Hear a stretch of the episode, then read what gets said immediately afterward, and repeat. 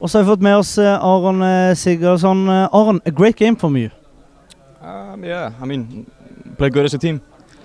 Uh, played really good. Uh, first 30 minutes, I thought. Uh, got two good goals.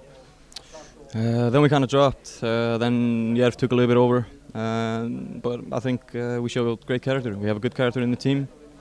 Yeah, showed that today to get a winning goal. Uh, it's a close game. I mean, they could have they could have scored a winning goal as well. So, but uh, we defended good uh, and yeah, showed good patience uh, and good character to get the winning goal in the last minutes. After this uh, match, do you think you deserved the win, or would it be more fair uh, if it was a draw here today? Uh, I don't care. Uh, we won. Uh, I mean, it could have dropped both ways. C- could have been a draw. I mean, everything could uh, could be fair.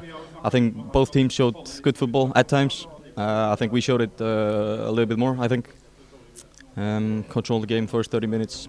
Mm, yeah, and then the, almost the whole second half. So yeah, fair or not fair, uh, we won. We got three points. That's what matters. A perfect uh, day for you guys on on the the football's uh, party day, as uh, as they say, 16th of uh, of May. You've been here in Norway for quite a while now. How uh, how important is it for a group to to win on on these uh, type of games? Yeah, I think it's it's really important uh, for the team, for the whole club, and also for the town. I mean, we have a parade tomorrow. It would be nice to see the whole town. Uh, so I think it's in. Yeah, it's also important for uh, for the people in the town to come to the next games and support us. Uh, and hopefully we can continue winning games. Uh, you're gonna have a, a break now because of the the Sogndal game is is postponed. Would you rather play this game this week, this week, or is it good with a, a break?